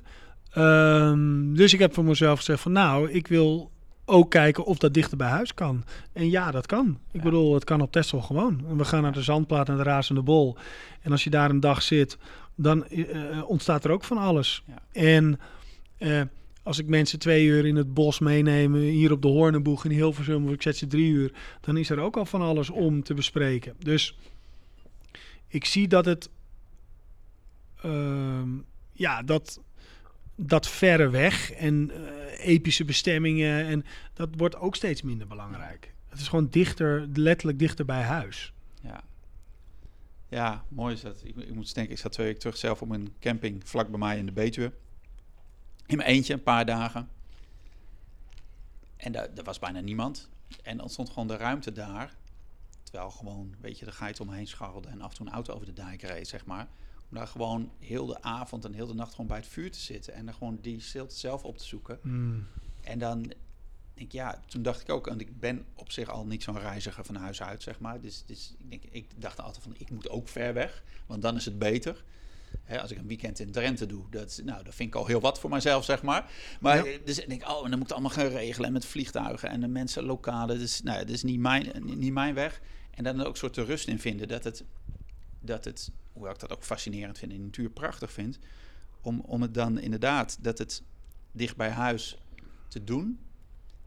En het voordeel daarvan is, is dat, dat ook naar mensen toe van dat het dat hoe mooi zo'n weekend of een week of ver weg ook is, hoe makkelijker het te regelen is, hoe makkelijker de continuïteit ook in je dagelijks leven krijgt natuurlijk. Want je, hè, ook als je met jouw Elements Expedition zes dagen in Albanië zit, dat is natuurlijk fantastisch.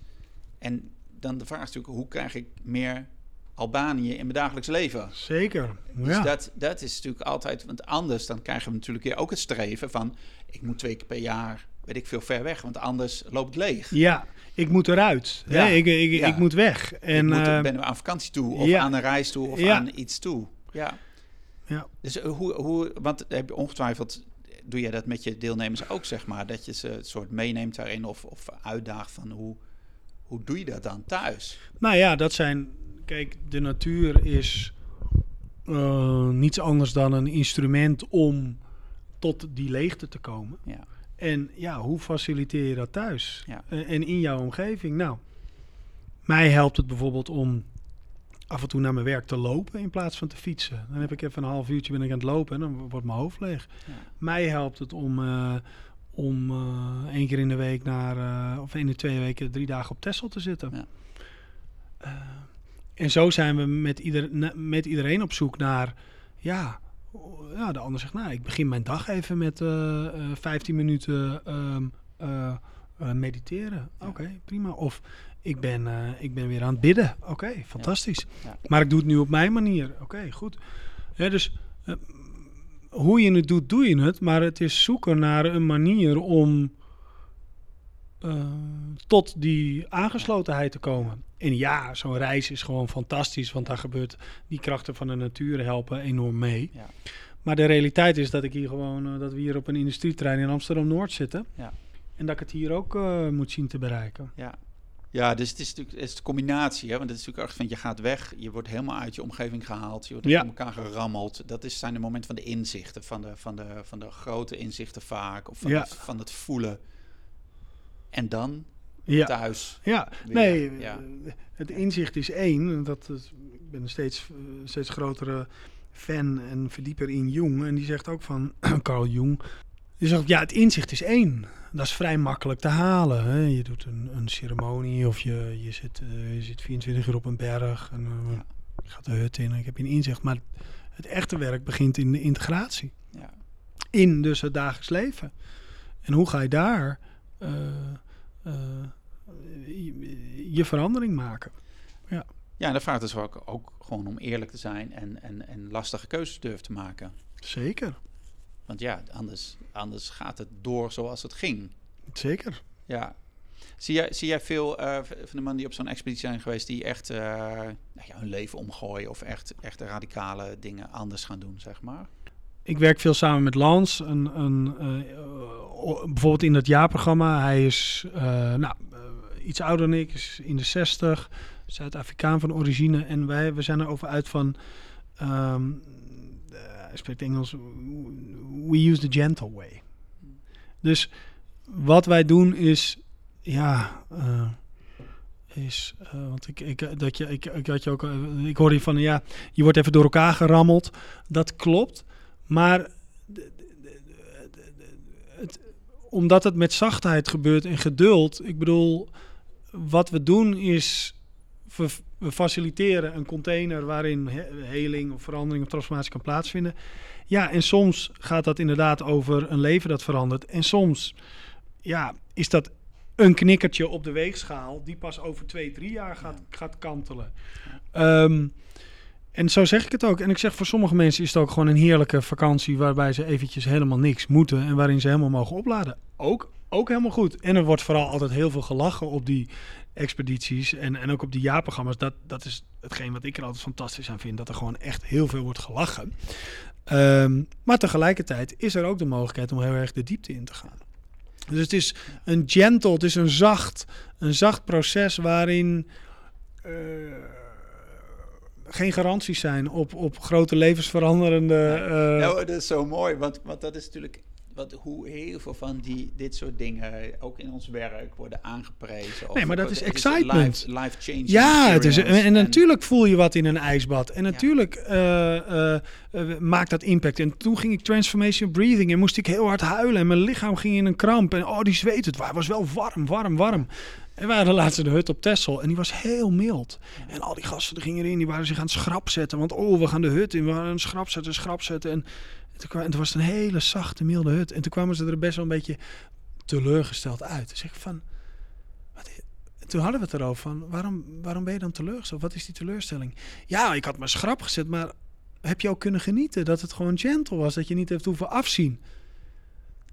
Oh, was dat ook een optie? Ja, Mocht dat ook? Ja. Mocht dat ook? Ja.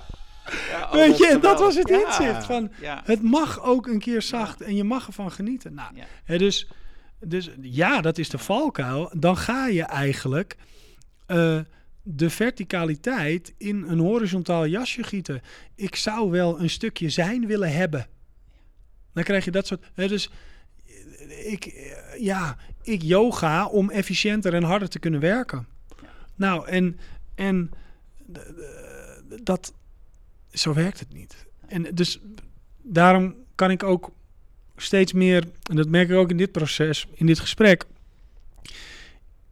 ik begin steeds meer te stotteren. Want hoe dichter ik bij die waarheid, dat midden van die verticaliteit kom, hoe meer ik begin te stotteren, omdat het het onnoembare is. Dus ik ben, en ik ben blij dat ik begin te stotteren. Vorige week zei een vriend van mij, ik probeer mijn nieuwsgierigheid groter te laten zijn dan mijn meningen. Toen dacht ik, oh, dat is een mooie, mooie manier om te leven. En dat, dat gaat dus ook over dat op het moment dat ik echt het onderzoek begin en, en, en ja, in dat proces zit, dan zijn er geen garanties. Nee. dus ja, ja, wil je een eh, workshop voor mijn medewerkers doen? Ik zeg, wat is het doel? Ja, nee, dat ze, dat ze, ja, wat denk je zelf? Dat ze beter gaan presteren natuurlijk. Ik zeg, ja, daar kan, daar kan ik niks mee. Ik kan je, ik, maar als ik kan werken met mensen die wat willen voor zichzelf en in de diepte willen gaan. Maar misschien nemen ze wel ontslag. Ja, dat kan heel Nou, goed. en er zijn bepaalde ondernemers die zeggen, nou, dat is ook prima, want dan, dan is Ja. dat voor iedereen het beste. Dus ga maar aan de gang met de mensen die willen. Ja. Maar daarom is dat, ja, dit, dit werk is niet te verbinden aan consequenties of veranderingen. Nee, je kunt geen garanties geven. Zeker niet. Nee, nee. En, nee. en dat is natuurlijk ook vaak als mensen eh, nou ja, coaching gaan doen of therapie gaan doen. Van je, hebt, je, hebt, je loopt ergens tegenaan, zeg maar. En natuurlijk wil je dat dat gefixt wordt of opgelost wordt, zodat je er geen last meer van hebt. Maar het is natuurlijk het is een ingang. Daarom, en ik Ja. kom ook steeds meer achter de de onoplosbaarheid van dingen. Dat sommige dingen niet op te lossen zijn. En hoe is het om je te verhouden tot die onoplosbaarheid? Dat gaat dus niet over fixen, want per definitie kan het dus niet gefixt worden. Maar ik heb me er wel toe te verhouden. En nou, mm, dingen met het klimaat, grote oorlogen, grote conflicten. In mijn ogen, ja, als ik er naar kijk vanuit een bril met het is op te lossen, dan, dan word ik best wel gek. Want ik zie geen manier om het op te lossen. Op het moment dat ik zie het is onoplosbaar. En dat is geen cynisme van oh nou la maar en uh, na mij de zonvloed. Maar het is groter dan ja. ik. En hoe verhoud ik me daartoe? Nou, dat weet jij ook als je in de hut zit. Dan heb je je te verhouden tot krachten die groter zijn dan jij. En dat is mooi. Want daar leer je van. Nou, en ja, daar gaat dit, daar gaat dit, dit werk over, denk ik. Dat, uh, dat die garanties dus niet zijn te geven. En uh, dat je steeds overgeleverder wordt. Ja. Nou, dat is zo mooi, vind, denk ik, van, dat ook als ze dan werken met mannen. Dat, vind ik zo mooi dat jij zegt, ja, ik doe nu ook een jaartraining. En ik heb ook een aantal groepen, die zijn continu, zeg maar. Dus die mannen die komen elke maand en die, dat al jaren, heel veel al jaren. Ja. En dan zie je dus, het is, niet, het is niet de ene dag of het ene weekend, maar het is, je komt opnieuw, zeg maar. Je gaat weer het leven in en dan kom je weer. Hè? Dus bij jou, je komt in de lente, dan kom je volgens in de zomer. Oké, en dan ontmoet je elkaar weer en dan is die continuïteit in die verbinding tussen mannen uh, zichtbaar niet. En dan niet uh, over, het gaat er niet over accountability of, of elkaar de, de maat nemen of heb je wel aan jezelf gewerkt, maar meer van, oké, ik ben nu hier in de zomer. Of ik ben nu hier een jaar later. En je daarin weer mee soort, soort verbinden en jezelf die ook gunnen. En ik vind dat zelf ook ingewikkeld, hè, om dan zo'n langdurige vriendschap te onderhouden. Of, of, maar ik merk wel, als die er zijn... Dan... Het is briljant. Nee, dat is heel mooi. Ik, ik zit elke maand zit ik in een online call met vijf gasten. Eén uit Amerika, één uit Zuid-Afrika, één uit Nederland... één in India, één in Great Britain. Dus weet je wel, uh, over de hele wereld. En dat is wel mooi om te, weet je wel, komen er twee dingen bij elkaar. Eén, ik zit naar mezelf te luisteren nu en dan denk ik, wat hebben, hier, wat, hebben, wat hebben mensen hier nou aan, weet je wel, wat, wat zitten ze hier nou in te luisteren? Nou,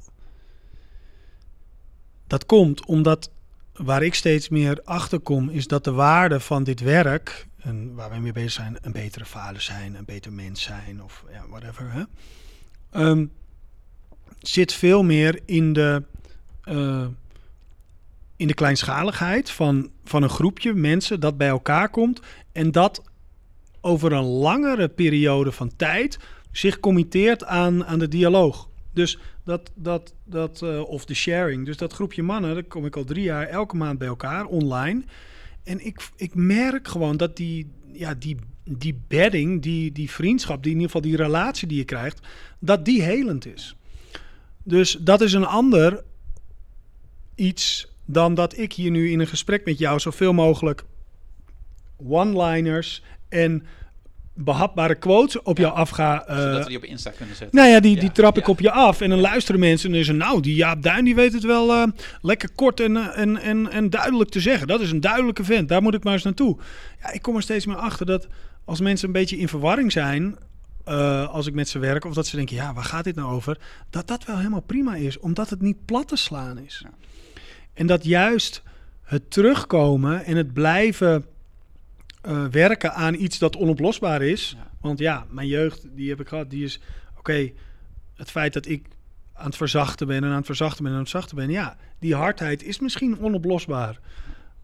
Daar ben ik, daar ben ik in aan het werk. En een ander die mij al drie jaar ziet, die kan op een gegeven moment teruggeven... Zo Jaap, ik wil even zeggen je bent echt veranderd, man, sinds ik jou drie jaar geleden ken. En dat is de waarde, omdat ik dan op gelijke hoogte met een mens, een medemens zit, die mij iets teruggeeft. Niet vanuit, oh, ik wil je even wat teruggeven, want uh, ja, we zitten nu in deze workshop, weet je wel. En dan krijg je toch een analyse over je heen. Je gast, je kent me één dag. Nee, je kent mij drie jaar en je geeft me dat terug. Wow, dat is echt op menselijk niveau voel ik daar voel ik me daar enorm gezien in. Dus ik neig ook steeds meer naar kleinschalige groepjes die zich committeren aan bijvoorbeeld zo'n jaar. Ja. Eh, of eh, ja, ik doe alleen nog met trajecten met mensen. Ik doe geen eh, enkele sessies meer. Ik wil in, die, ja, in dat, dat terugkomen zitten. Omdat daar de waarde in zit, denk ik. Ja. ja, ik moet denken aan, ik heb ooit ehm therapeut, familietherapeut Els Marie van de Erebeemt eh, geïnterviewd. Een hele wijze vrouw. En die, die zei een keer van, ja, we zijn ook met die hele zelfontwikkeling waar we met z'n allen mee bezig zijn. We worden individueel heel sterk, maar Ja. relationeel worden we zwak. En, en als jij dit nu ziet, en als ik ook naar mijn eigen groepen kijk, zeg maar, van, van Ja. zegt van je kent elkaar en je ziet elkaar. En ik kan zeggen, ja, weet ik wel, een paar jaar terug toen stond je te janken omdat je vader dood was. Nu staan we samen op je bruiloft. Weet je, zo, dat soort dingen. En dan dat je dat, dat, je dat kunt, ehm, ja, dus dat je een relatie opbouwt. Nou ja, eh, eens. En, en de, dat, dat zeg je heel mooi. En ik kom er elke keer meer achter dat de enige plek. Nou, een, de, nou, misschien wel de enige plek waarin ik echt dat, dat mens zijn vind, is in die kleinschalige bijeenkomsten, in die sharings, in die. Ik heb een groepje met mensen, daar kom ik dan inderdaad één keer in de maand bij Jaap Voigt. Zitten we met z'n vijven in zijn in zijn- in zijn woonkamer. Ik heb die man, eh, die, die manbase, een soort van eh, dat, dat groepje. Ja. Ik heb mijn jaarprogramma en ik merk als ik in die kleinschaligheid zit met mensen, zeven, acht man rond het vuur of niet rond het vuur, maar dat dat, dat de manier is om ja, echt mijn, mijn mens zijn te eiken. Ja. En als ik individueel of via Instagram of een ik bedoel, het zijn allemaal middelen, maar en, en dat en ook kijkende naar de wereld om me heen, want daar ben ik ook steeds meer mee verbonden. Het wordt steeds minder een ik-proces, maar steeds minder een wij-proces. Ja. Dus ik kijk ook naar buiten en ik denk, wat is dit voor wereld? Op wat voor manier praten we met elkaar? Ja, dan zie ik dat die kleine groepjes een enorme zuiverheid hebben Ja. als het gaat over hier voel ik wel dat er iets in verbondenheid wordt gezegd. Het is echt belangrijk voor mij om, om menselijk te blijven, want als ik naar de buitenwereld kijk dan in de gro en bijvoorbeeld in hele grote groepen zit of in de één op één, ja, dan merk ik dat daar een ander soort Ja. proces Ja. komt. Ja, Ja, en dat, nou ja, dat, dat, dat is mooi. Van, ik zit nu zelf sinds een jaar ook weer in een, in een vaste mannengroep. Gewoon als deelnemer, dus niet als, als Ja. begeleider. Of, of, ook lekker. Gewoon Ja, als, ja. gewoon als deelnemer. En dan, dan zit je inderdaad... Oké, kan gewoon aanschuiven. Mm. En, eh, ik kan hier en we kijken elkaar recht in de ogen. En het is zo belangrijk. Ik denk ook voor veel mannen, ik spreek veel mannen van... Met mijn vrienden kan ik het hier niet over hebben. Of dat vind ik lastig of ingewikkeld. En ik van ja, als wij hier zo zitten te praten, denk ik van. En je zit te luisteren van, van zoek het wel, zoek dan waar het wel kan. Ja, En, en dan moet je misschien zelf een clubje beginnen of een paar mannen uitnodigen die, je- die, of, of je gaat bij iemand die dat dan organiseert. Dat maakt niet uit, maar zoek het, zoek het op, zeg Ja. maar. Er zijn heel veel eh, cirkels en ik heb Ja, je had zelf, ik, had, ik noemde die naam al even, dat manbase. Ja. Dat is ook zo'n. Ik heb daar een soort vorm voor gevonden. En daar kan ik, weet je, als mensen geïnteresseerd zijn, ik wil ze daar best iets over leren. Van hoe je ja, op een hele simpele manier eigenlijk zo'n zo'n manbase, zo'n cirkel Ja. voor elkaar krijgt. ja, En ehm, ja, ik zie gewoon dat niks anders heeft die kwaliteit in zich. Ja. Van, van, van kleine groepjes die op een bepaalde manier delen. Dat is, echt, dat is echt heel krachtig. ja. Dus, dus ga dat doen. Ga Zeker, ga dat- Van, ja, ga bij iemand kunst afkijken, ga het zelf organiseren. Weet je, van dat, dat is zo... Ja, ja, het is waardevol. Ja. Iedereen die dat heeft meegemaakt, die, die weet Het is ook echt wat nodig is, denk ik, in Ja. deze wereld. Dat, dat je weer in verbinding gaat. Ja. Doe het niet alleen. Ja. Dat, ehm, Ja, ja dat is een soort motto van, van, van een boek. dat zou de nieuwe kop zijn. Dus mannen Ja. moeten meer spelen. Ik zou nu zeggen, doe, doe het niet alleen. Doe het niet alleen. Ja, ja, ja. mooi. Want ik, ik roep al heel lang, doe het zelf, maar niet alleen, zeg maar. Maar gewoon doe het ja niet mooi. alleen. Ja, ja. ja. Hey, ja, ik heb nog een paar korte vragen. Ja. Gewoon, even, gewoon uit nieuwsgierigheid Shoot, ook hoor. Van, ehm, is er onlangs eh, gewoon lekker, heb je een film gezien of een boek gelezen, zeg maar, wat je, wat je denkt, oké, dat is gaaf. Dat gewoon kan ook ontspannend zijn en die je graag nog tipt aan, of die je überhaupt aan anderen hebt getipt of zo, documentaire of misschien kom je er helemaal niet meer aan toe met een kind van twee, Ja. denk ik nu. Ehm, ehm, ik heb ehm, een, eh, vorige week een docu gezien. En dat, is een, dat heet The Week. En dat is een eh, docu die gaat over hoe het met de wereld gaat. En dan vooral op het gebied van eh, klimaatverandering. Daarin ga je met een klein groepje mensen die documentaire kijken. Volgens een soort theory uh, uh, manier. Dus je gaat. De documentaire 1 is. Ja, wat is er eigenlijk aan de hand in de wereld? Tweede avond is. Hoe zijn we hier gekomen? En de derde avond is. Wat, wat kunnen we doen? Dus dan ga je in met een klein groepje. Gewoon in je, sla, in je woonkamer. Ga je zitten. Oh. Je nodigt mensen uit. Oh. Je gaat die Ja. docu kijken. Ja. En na, eh, dit duurt drie kwartier. En na afloop is er een kwartier of twintig minuten een, ja, een, een groepsgesprek, een sharing over wat hebben we nou eigenlijk gezien Ja. en wat doet dat met ons. En dat doe je in een week. En ik heb gemerkt, nou wederom, dat die thematieken en maar ook het menselijk samen zijn daarin ja, enorm ja, confronterend, maar ook helend en ook transformerend zijn voor mij om me bezig te houden met ja, belangrijke vragen Ja. die op dit moment spelen. Dus The Week. Oké, en dan kun je dan zelf organiseren? of zo, Ja, kun je zelf organiseren. Ja, Ja, Oké, nou, Ja. ik even opzoeken. ja we doen een linkje erbij. Ja. Hey, en nog heel praktisch, vinden mannen vaak leuk. Ehm, als het gaat om kinderen, Ah. is er iets wat je afgelopen twee jaar, of misschien wel de zwangerschap, hebt gekocht, aangeschaft hebt, wat iets te maken had met je kind, waarvan je denkt, ja, dat was echt, was echt goud, zeg maar.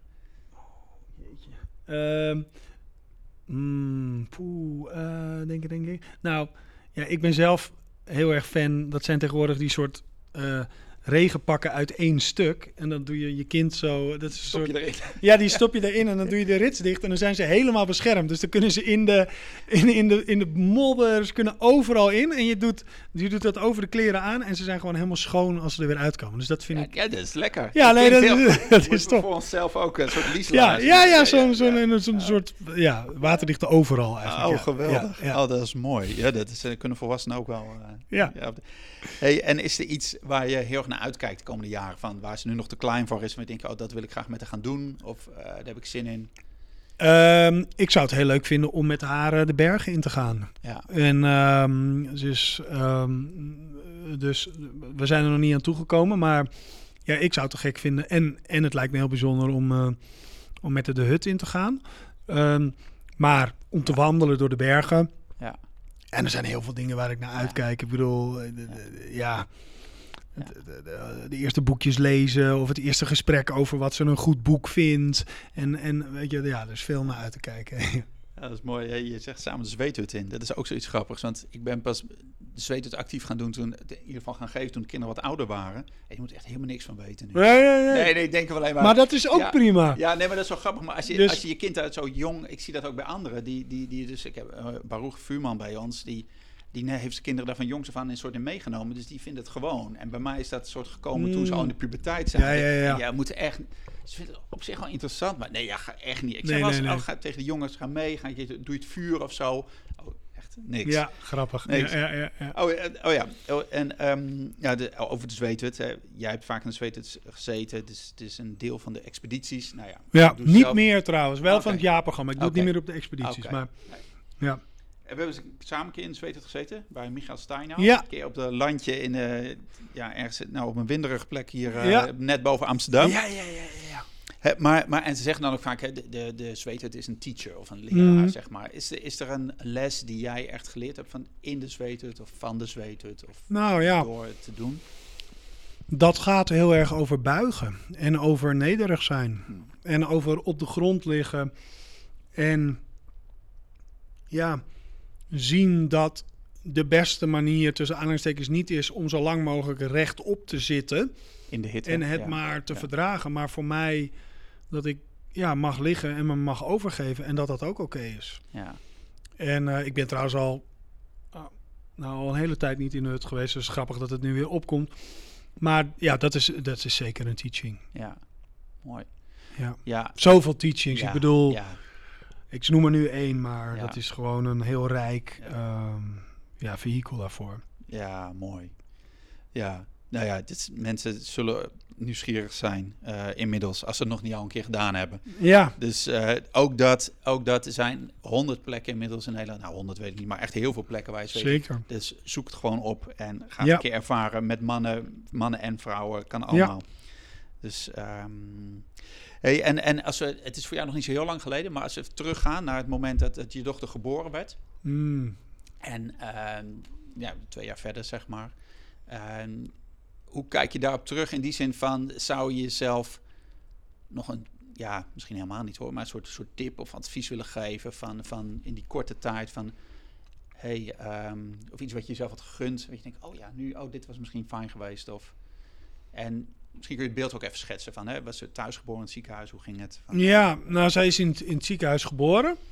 Ehm, we begonnen thuis, maar ja, weeën kwamen niet echt eh, genoeg op gang. Dus op een gegeven moment was Esther helemaal uitgeput. Toen zei van ja, we moeten naar het ziekenhuis, want het, Ja. het moet toch opgewekt worden. En ehm, nou, rondom de geboorte, dat, dat, dat was voor mij gewoon heel onbevattelijk wat er gebeurde. Ik stond te kijken, oh, daar is opeens een kind. En nou, ik, ik, ik vond gewoon, het, het ging gewoon echt boven mijn pet. Weet je, ik stond echt een soort flabbergast, is ook, mijn gezicht is ook gefilmd. Ik zat echt zo, nou, eh. Maar ja, ja. maar nou, als ik terugkijk, dan eh, eigenlijk hoe het, hoe het gesprek ook begonnen, dan, dan had ik mezelf gegund dat ik nog wat sneller eh, toch, ja, die, die, eh, ik mag schakelen tussen, ja, sommige dingen zijn gewoon niet te plannen en vol te houden. En eh, ja, eh, geef je maar over aan dat schokkerige groeiproces van het kind. Ja. En ja, dat heeft consequenties voor, voor alle geplande dingen. En dat is gewoon maar even zoals het is. Ja. Dus ehm, ja, ook daarin sneller leren buigen. Dat, eh, dat was, was, had Ja, me geholpen. buigen. Ja, ja, ja. Oh, dat is wel grappig, want ik moet nu denken aan wat, wat Michael Stein nou toen zei, toen wij samen in die hut zaten. Die zei, zei zoiets heel moois, dat heb ik altijd onthouden van, als je, als je het gevoel hebt dat je, dat je moet vechten, dan zou je eens moeten buigen. En op het moment dat je denkt, ja, ik moet buigen, misschien moet je dan nog net Ja, ja, even, ja, ja. even blijven zitten. Ja, en, ja. eh, dus met zo'n mooi inzicht. Dus inderdaad vooral dat als je het idee van ik moet vechten, of ik moet onder controle hebben, of het moet gaan, ik moet volhouden, dan Ja, die zachte weg, wat jij ook Ja. al een paar keer noemt, Ja. zacht zijn. ja. Ja, hey, en eh, we gaan naar de afronding toe. Ehm Jaap, is, is, voor, voor jou, of misschien voor jouzelf, ehm, en misschien ook voor mannen die je ziet hier in je, in je, in je praktijk of op die expedities. Wat zie jij als, als een grote uitdaging, misschien wel de grootste uitdaging, wat we te doen hebben als vaders, als mannen in het leven met onze kinderen? Is iets waar we, ja, wat, wat we, ja, wat is een uitdaging, zeg maar, waar we echt, die we echt aan zouden moeten pakken of naar zouden moeten kijken? Mm, ik denk ehm, het, het onderscheid kunnen maken tussen dat wat ehm, dat wie het kind is en dat wie jij bent. En dus ehm, het, het, het bezittelijk voornaamwoord er een beetje van afhalen. Het is mijn kind. Ja. Nee, het is vooral een individu en een, een autonoom ehm, wezen. Net zoals jij heel erg van jouw pa verschilt, Ja. verschilt mijn dochter ook heel erg van mij. Maar om de ruimte te hebben om dus los te komen van mijn ja, patronen en, en- en dingen en te kijken naar, echt te kijken naar wat, wat heeft zij nodig of wie is zij? Ja, dan moet ik ook naar mezelf kunnen kijken. Wat heb ik nodig en wie ben ik? Nou, en eh, ja, ik denk dat het heel erg zou helpen als zeker veel meer mannen zich blootstellen aan dit soort kleinschalige groepjes of coaching of een manier van ontwikkelingswerk. Ehm, ja, omdat je daar gewoon een, een lievere, fijnere vader van wordt. Ja. Ja, Ja, en dan creëer je dus ruimte. Dat is mooi zo, hè, tussen jou en je kind, zeg maar. Je creëert Ja. die ruimte in jezelf. ja mooi gezegd, ja. Ja. En dat maakt dus ook, wat in ieder geval mijn eigen ervaring, als ik mijn verwachtingen weghaal van mijn kind, zeg maar. En dat is als ze twee zijn en als ze 21 zijn, is dat nog steeds zo. Van, hè, als je een kind heeft van, ja, die kon goed leren. Nou, HAVO is, zou VWO zijn. Nou, dat ging niet. Toen werd de HAVO. Oké, ging die HBO doen. Nou, paste ook niet. Nu wordt het MBO. Ik, of, dan moet ik wel af en toe moet ik een paar keer even, even een soort slikken, zeg maar. En ik van, ja, en niet per se omdat ik, maar denk van, oh, ehm, heeft hij nogal genoeg kansen? Allemaal dat soort Ja, ego-praatjes ja, ja. natuurlijk. Maar ik denk, oké, eh, komt hij dan wel... ik geloof wel dat hij terecht doet, maar ehm, heeft hij wel genoeg kansen? Kan hij zichzelf wel genoeg ontplooien? Eh, moet hij niet harder werken? Moet ik er niet meer aan ondersteuning doen? En dat... En dan uiteindelijk gewoon zien in de afstand van... Oh, weet je, dit is zijn weg, zeg maar. Mm. En, eh, en hij is inderdaad, wat jij zegt, hij, hij is niet mij. Hij is niet Mm. ik, wie ik ben. En dan zien dat hij gewoon zijn eigen weg gaat en dat hij dat op een fantastische manier doet. Ja, is echt... ehm, Ja, mooi hoor. is mooi prachtig. Maar dat vraagt wel vraagt af en toe wat, wat, wat uithouden of zo. Nou ja, je, Ja. Moet, dus, je moet dus kunnen zitten met die, die turmoil. Ik weet even het Nederlandse woord niet, maar die, die, die, die, die, on, on, eh, die onrust. Daar moet je mee kunnen zitten. Ja. En als jij daar niet met jezelf mee kan zitten, ja, hoe kan je er dan met je kind mee zitten? Ja, dus, Tja. dus zitten met de onrust. Ja, Ja, Ja. mooi. Dat, dat gaan we doen. En, ehm, en, en ja, als mensen meer over, over jouw werk willen weten, waar, waar kunnen ze terecht? ja de anders is om gewoon naar eh, jaapduin.nl te gaan. Ja. En daar staan wat linkjes naar eh, Elements Expeditions. En eh, er is ook een, eh, ik ben een stichting aan het, eh, aan het, aan het oprichten om een, om een soort non-profit eh, werk ook te kunnen doen. Ja, Dus dat komt daar ook op te staan. Maar jaapduin.nl is, is, is het makkelijkste. oké, hartstikke goed. Nou, Dankjewel. dankjewel. was een Ja. mooi gesprek. En dan tot over zeven jaar. Ja, wel iets sneller. Hopelijk eerder. Yes, Oké, oké, mooi. dankjewel. Oké, als je zit te luisteren, super fijn dat je er bent, dat je er was. En je kunt alle eh, linkjes die, die we genoemd hebben hier in het gesprek, links naar dingen, het site van Jaap, naar andere dingen, terugvinden op eh praktijkvader.nl slash podcast. Daar vind je ehm, deze aflevering en ook alle andere afleveringen. Maar uiteraard vind je hem ook terug op eh, Spotify, Apple Podcasts, alle andere podcast apps. Ehm, ik wens je veel luisterplezier eh, met een volgende podcast weer. Die komt er ongetwijfeld weer aan. Je kunt je via al die apps ook gratis abonneren. Dan krijg je vanzelf een melding als er een nieuwe komt. Eh, tot die tijd, heb het goed en ehm, tot de volgende keer. Doeg! Nog even twee korte berichten voordat je gaat. Als eerste de Vurige Vrijdagmail.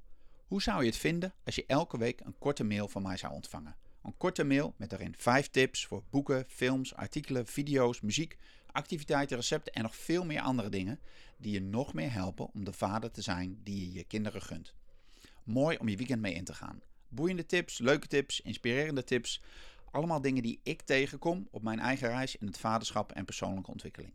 Nou, ga naar www.praktijkvader.nl slash vurige-vrijdag en meld je daar aan. Dus dat is www.praktijkvader.nl slash vurige-vrijdag en dan ontvang je meteen de laatste editie in je mailbox. Als tweede, als je je echt wil verdiepen in je vaderschap, dan kun je nu mijn boek Vadervuur lezen. Ton van der Kroon, schrijver van De Terugkeer van de Koning, zegt dat het boek een aanrader is voor alle vaders. En Jurgen Peters, schrijver van Kinderen zijn geen puppies, vindt het een hartverwarmende inspiratie voor zijn eigen vaderschap. Zelf vind ik het fijn dat er nu eindelijk een boek is dat mannen en het vaderschap echt serieus neemt. Ruimte maken voor je kind, de plek van je eigen ouders, de relatie met je partner. Alle belangrijke thema's komen voorbij, inclusief veel situaties uit mijn eigen vaderschap en de vadertrainingen. Bestel het boek via www.praktijkvader.nl slash vadervuur-boek en je ontvangt een gesigneerd exemplaar gewoon bij je thuis in je brievenbus. Dan kun je meteen gaan lezen. Dat is www.praktijkvader.nl slash vadervuur-boek. Lekker lezen voor jezelf of voor iemand anders. En heb het goed. En ik zie je, spreek je, hoor je bij de volgende podcast. Doeg!